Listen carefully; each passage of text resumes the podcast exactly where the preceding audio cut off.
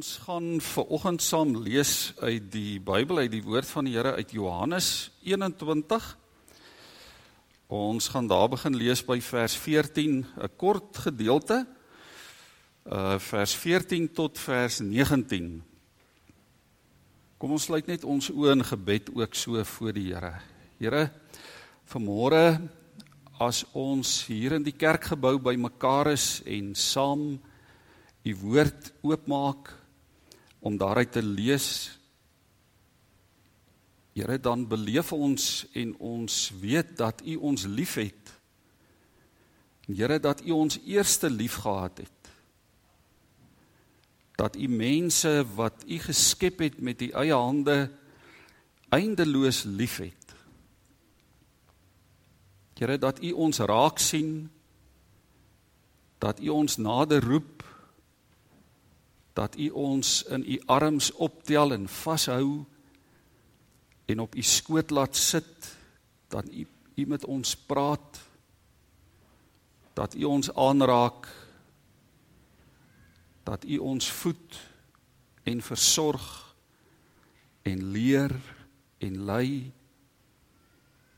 Here u wat gesê het ek is die brood van die lewe.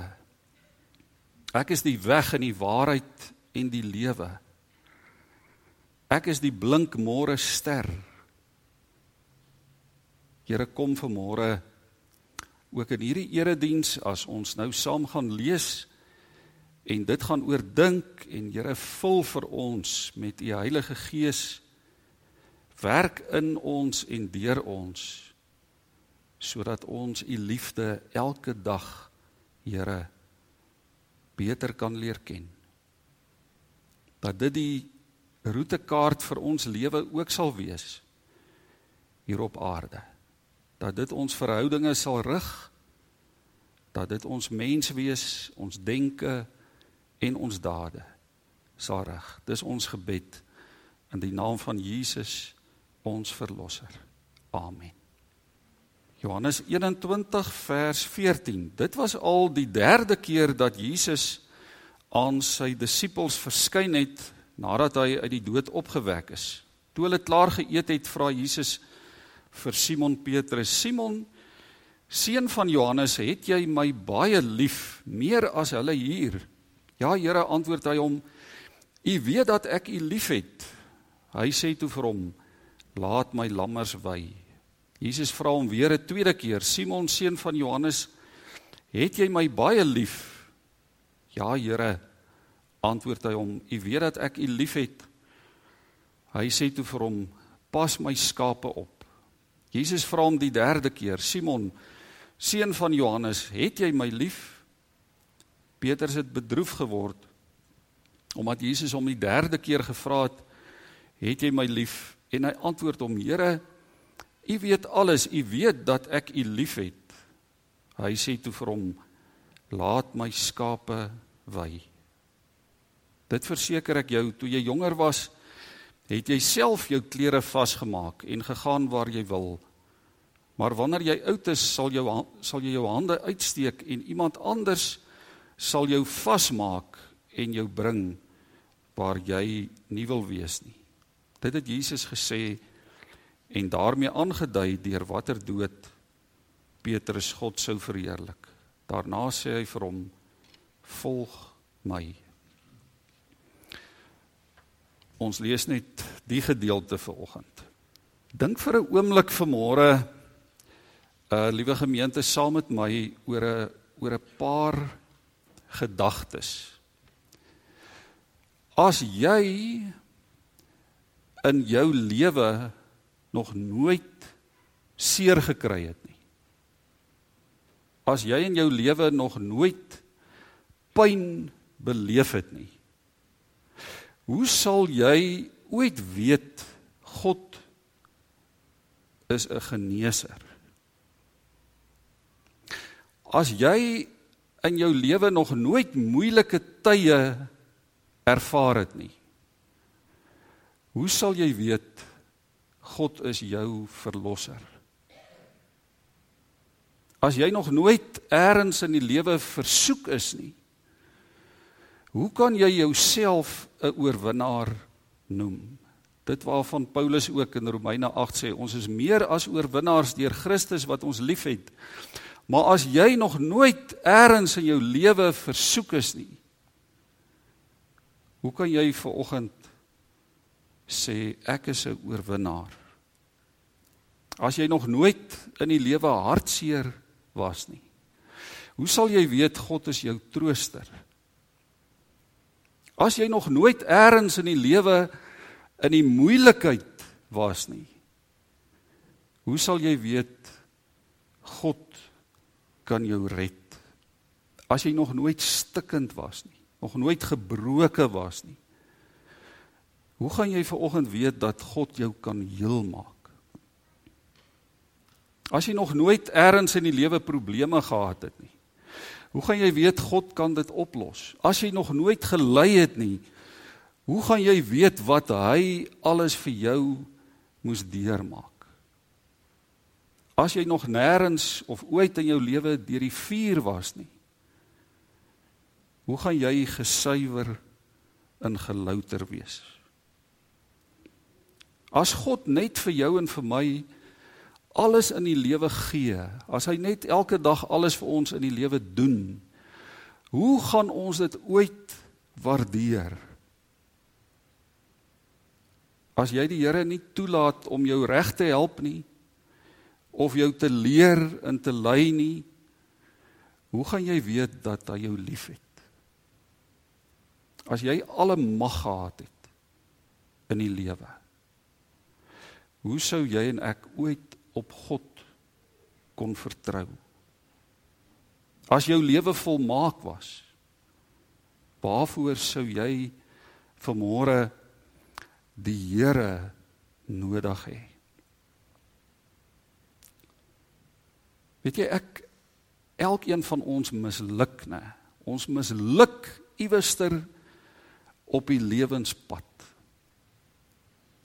Iewers in jou lewe maak jy 'n groot fout of groot foute. Ek dink as ons eerlik moet wees, dan moet ons vanmôre erken ons misluk weer en weer en weer. Maar mislukking leer ons ook uit die woord beteken nie alles is verlore nie. Mislukking beteken nie dat die Here jou afskryf nie. Mislukking beteken nie dat God van jou vergeet nie. Mislukking beteken nie jy moet nou vir oggend by die punt in jou lewe wees dat jy tou opgooi en sê nou gaan ek glad nie meer probeer nie. Alles loop verkeerd, my lewe is 'n mislukking. Jou mislukkings maak nie van jou 'n mislukking nie. Jou mislukkings beteken wel of kan dalk beteken dat jy nie so goed en so volmaak is soos wat jy dalk gedink het jy is nie. Jou mislukkings beteken daar's moeilike lesse in hierdie lewe om te leer.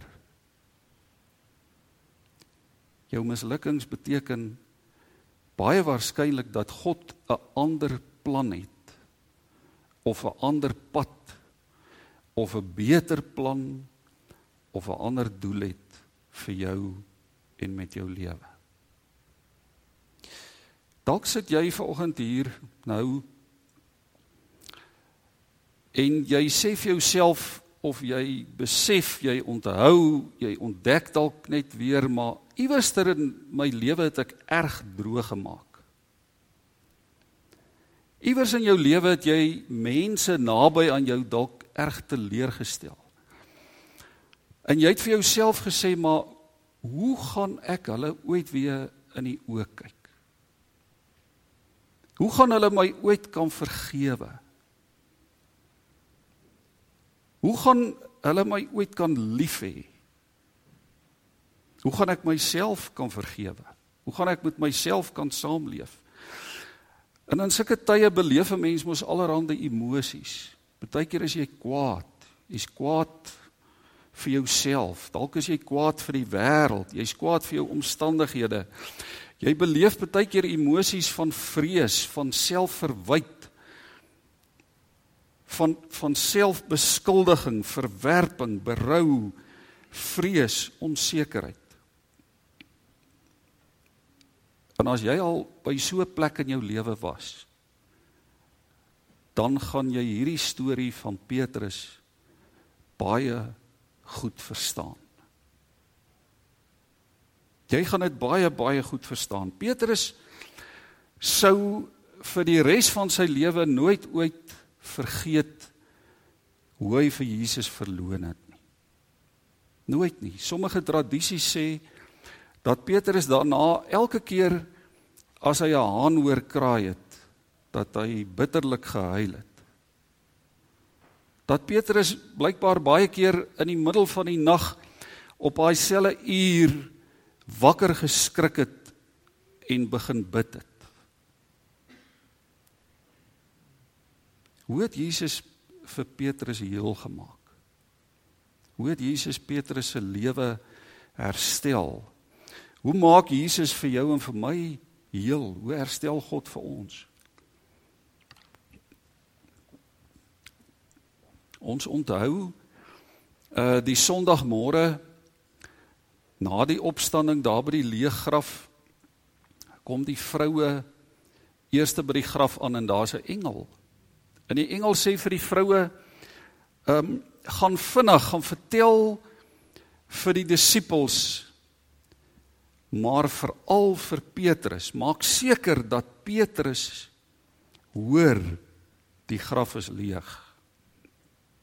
Want dit was mos Petrus uh wat sy swaard uitgepluk het en die Romeinse offisier Malchus se oor afgekap het. Dit was Petrus was wat altyd so impulsief was. Petrus wat wat gedoen het voordat hy gedink het. Petrus was altyd so voortvarend. Dis Petrus ehm um, wat net voor kort voor hierdie gebeure wat wat ons gelees het vir Jesus sê Here maar jy sal nooit my voete was nie. Al sal almal vir jou verlaat, ek sal jou nooit ooit verlaat nie. En daar in die binnehof die die nag voor die kruisiging is dit Petrus wat vloek en skel soos net 'n goeie matroos nê, 'n goeie visserman kan vloek en kan skel. 3 keer met groot drif sê Petrus ek ken hom nie Regtig, ek ken hom nie. Ek sê vir julle ek ken hierdie man nie. Ek dink daarna het Petrus gewonder, wat is ek nou eintlik? Is ek 'n verraaier of is ek 'n disipel? Maar ons sien die Here skryf nie vir Petrus af nie. Die Here vergeet juis nie vir Petrus nie. Hy verdoem nie vir Petrus as die grootste mislukking op aarde nie. Hy planne vir Petrus. Hy gee vir Petrus 'n tweede kans. Hy laat spesifiek vir Petrus roep. Hy onthou hom. Sonde vervreem ons van God, né? Sonde bring verwydering tussen ons en God. Sonde vervreem ons van die mense rondom ons. Nadat Petrus so eindeloos droog gemaak het, het hy waarskynlik gaan wegkruip. Hy was te bang om sy gesig in die openbaar te wys. Hy het iewester in 'n hoekie gaan sit met sy selfverwyd en sy selfberou en sy skuld in vir homself gevra of gesê maar hoe kon ek so dwaas wees? Hoe kon ek so dwaase ding doen? Hoe kon ek die Here in die rug steek? Wat moet Jesus nou van my dink? Maar iewers op daai wonderlike opstandingsmôre ontmoet die Here vir Petrus gaan soek hy vir Petrus, laat hy hom soek nog voordat hy die ander disippels sien. In Lukas 24 vers 34 staan daar Dit is waar die Here het opgestaan en aan Petrus verskyn. Op 'n hele paar plekke kry ons hierdie beklemtoning rondom Petrus. 1 Korintiërs 15 vers 4 sê ook hy is op die 3de dag opgewek volgens die skrifte en hy het aan aan Petrus verskyn en daarna aan die res van die 12 aan die ander disippels. Wat 'n groot stuk genade. Jesus ontmoet vir Petrus voordat hy die ander disippels ontmoet. Hy spaar vir Petrus hierdie openbare vernedering. Miskien is dit ook nodig dat ons dit hoor vanoggend wanneer daar oor hierdie gedeelte gepreek word dan val die klemme uh, op op ander goed meeste van die tyd. Miskien moet ons dit ook hoor. Die Here spaar vir Petrus hierdie openbare vernedering. Dinge moet reggemaak word tussen Petrus en Jesus. En die Here trek vir Petrus na hom toe. Dit bring ons by die gedeelte wat ons saam gelees het. Dis so so 'n paar dae na die opstanding. Die disippels is terug by die see van Galilea terug daar op die strand, terug in hulle vissersbedryf. En hulle is die nag met hulle klein vissersbootjie op die see. En die hele nag probeer hulle vis vang, maar hulle vang niks nie. Nie een enkele visie nie. Vroeg die volgende oggend met dagbreek, die son is besig om op te kom, roei hulle, is hulle besig om terug te roei strand toe. Ehm um, toe iemand van die van die strand af vir hulle roep gooi die nette net aan die ander kant van die boot uit en hulle doen dit en hulle vang meer as 150 visse. Moontlik het, het Jesus hulle dop gehou nê daar van die strand af. Daar waar Jesus by sy houtskool vuurtjie gesit het. Is baie interessant dat presies dieselfde woord vir daai vuurtjie wat Jesus op die strand gemaak het, 'n houtskool vuurtjie, 'n charcoal vuur.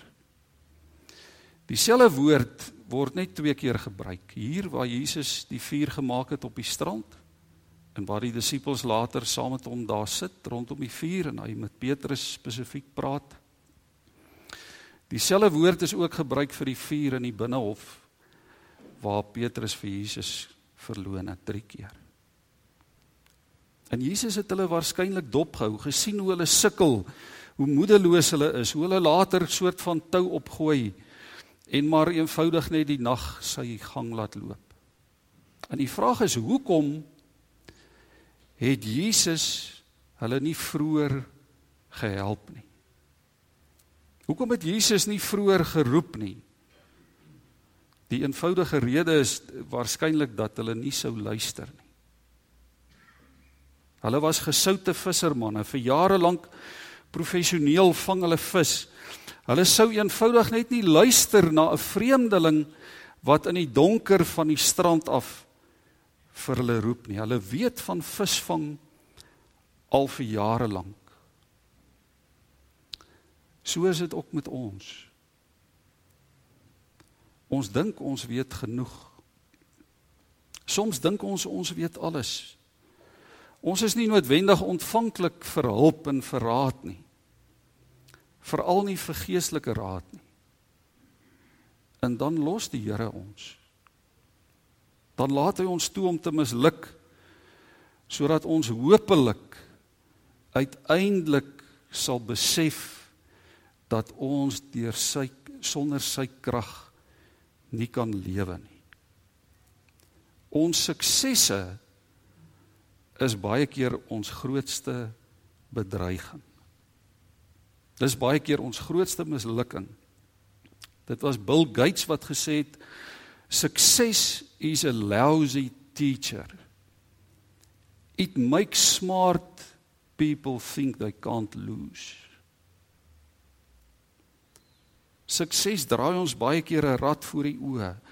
En hierdie disippels moes misluk, hulle moes foute maak sodat hulle kon leer om die Here te vertrou. Petrus, gaan jy my vertrou al maak dit glad nie sin nie. Dis ook wat Jesus vir jou en vir my kom vra vanmôre. Gaan jy my vertrou ook wanneer jy dink jy het 'n beter plan? Ook wanneer die pad vorentoe vir jou onseker is? Wanneer jou instink vir jou sê maar jy moet eerder iets anders probeer? Wanneer jy weet jou eie pogings is 'n mislukking? Petrus, gaan jy my vertrou? 3 keer vra die Here vir Petrus, "Het jy my lief?" Want 3 keer daar in die binnehof het Petrus mos vir Jesus verloon. En die wonderlike is Jesus probeer nie vir vir Petrus laat skuldig voel nie. Jesus wil nie vir Petrus hier voor die hele Jerusalem, voor die hele wêreld uiteindelik en daar voor die disipelkring Jesus wil hom nie verneder nie. Jesus dwing nie vir Petrus om om om in vra vir hom en sê vir hom hoorie Petrus erken nou hier voor die ander disippels erken nou vandag hier op die strand jy skuldig en jy's jammer oor dit wat jy gedoen het nie. Jesus laat nie vir Petrus beloof Here ek sal dit nooit in my hele lewe ooit weer doen nie. Die Here vra vir hom net hierdie een vraag. Petrus, het jy my lief? Het jy my lief? En hoor wat antwoord Petrus dan? Hy hy sê nie dadelik Here, ek het U lief nie. Hy sê Here, U weet alles. U weet alles.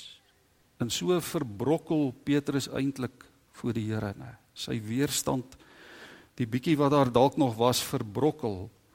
Here, U weet alles. Petrus het gedink hy ken homself.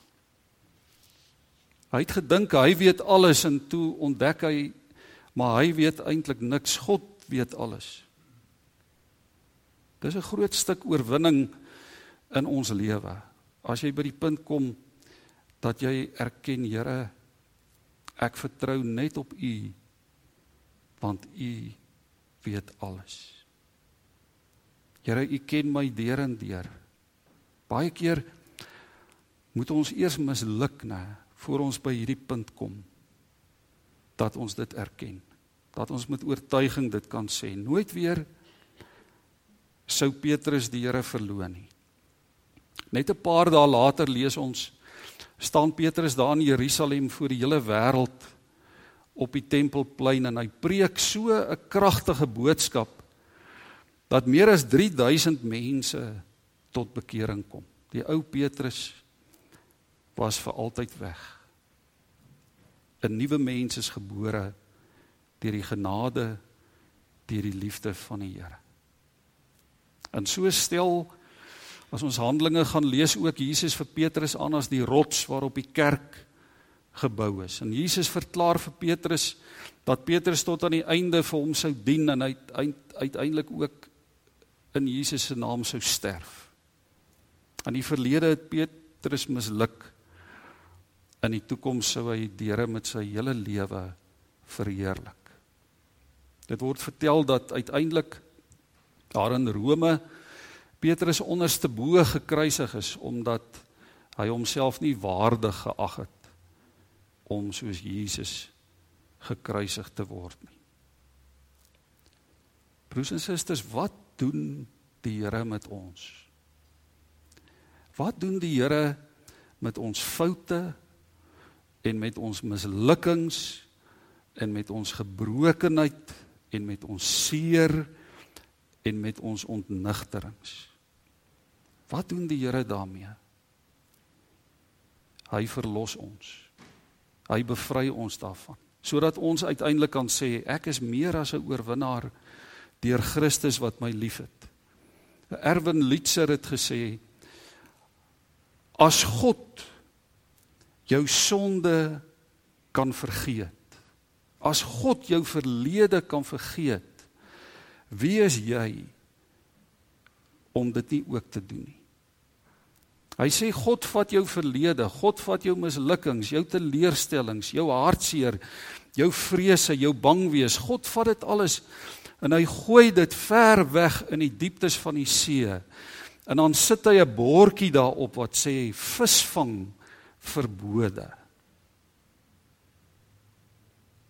Dis wat God doen met ons mislukkings. Uiteindelik behoort jy en ek vir Petrus eintlik goed te kan ken. Ons ken hom eintlik goed want ons sien hom elke dag.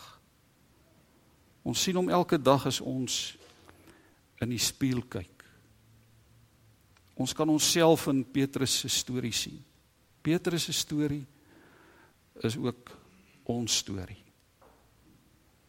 Ons geestelike pad, ons geloofspad, ons Christelike pad, ons geestelike groei Dis nie noodwendig veronderstel om maklik te wees nie. Dis nie veronderstel om eenvoudig te wees nie. Dis nie veronderstel om elke dag maanskyn in rose te wees nie. Dit is lank, dis pynlik. Dis moeilik. Daar's die hoogtepunte, verseker. Maar daar's ook die laagtepunte, daar's ook die mislukkings. Petrus die rots was meermale glad nie 'n rots nie. Hy was eerder soos 'n soos 'n poel sluk modderwater. So het Petrus se lewe gelyk. Deur die krag van die Here kon Petrus in 'n rots verander. Mislukkings en foute het ook vir Petrus gevorm. Die Here het hom nooit vergeet nie. God het meer in Petrus geglo as wat Petrus in homself geglo het. En so is dit ook met jou en met my as ons lewe volmaak was. As jou lewe volmaak was, waarvoor sou jy dan nog vir God nodig hê? Dan kon jy op jou eie bene staan. Dan kon jy jou eie planne maak, jy kon jou eie pad loop. Jy kon jou eie heil uitwerk en jou eie toekoms bepaal. As jou lewe volmaak was, het jy nie vir God nodig nie. Die eintlike held van hierdie storie is God en nie Petrus nie. Die eintlike held van van jou en van my storie is God en nie onsself nie. Dis altyd God. As hy dit vir Petrus gedoen het, dan doen hy dit ook vir jou en vir my. Iemand het gesê by die poort van die hemel is daar twee kennisgewings.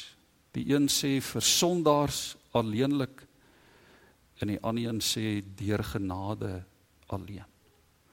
Mag die Here ons elke dag help om regtig te ontdek, om te verstaan wat dit beteken vir sondaars alleenlik deur genade alleen. Here, U is so goed vir my. U is so goed vir ons. Here, U roep ons en U seën ons en u stuur ons en u leer ons en gebruik ons. U maak ons heel. Here, dankie dat ons dit vanmôre kan hoor dat ons dit kan weet. Dankie Here dat ons nie hoef te twyfel of te wonder oor u liefde vir ons nie. Here dat ons vanmôre weet dat dit diep is en wyd en ver en hoog en breed genoeg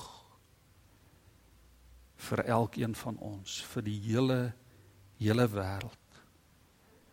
Here gee dat ons hierdie liefde sal deel met mekaar, met mense rondom ons. Here dat ons elke dag uit hierdie bron van oorvloed sal lewe dat ons hoop sal hê en moed sal hê ook vir die toekoms vir elke dag vir die uitdagings op ons lewenspad omdat u lewe omdat u die lewe is vir ons.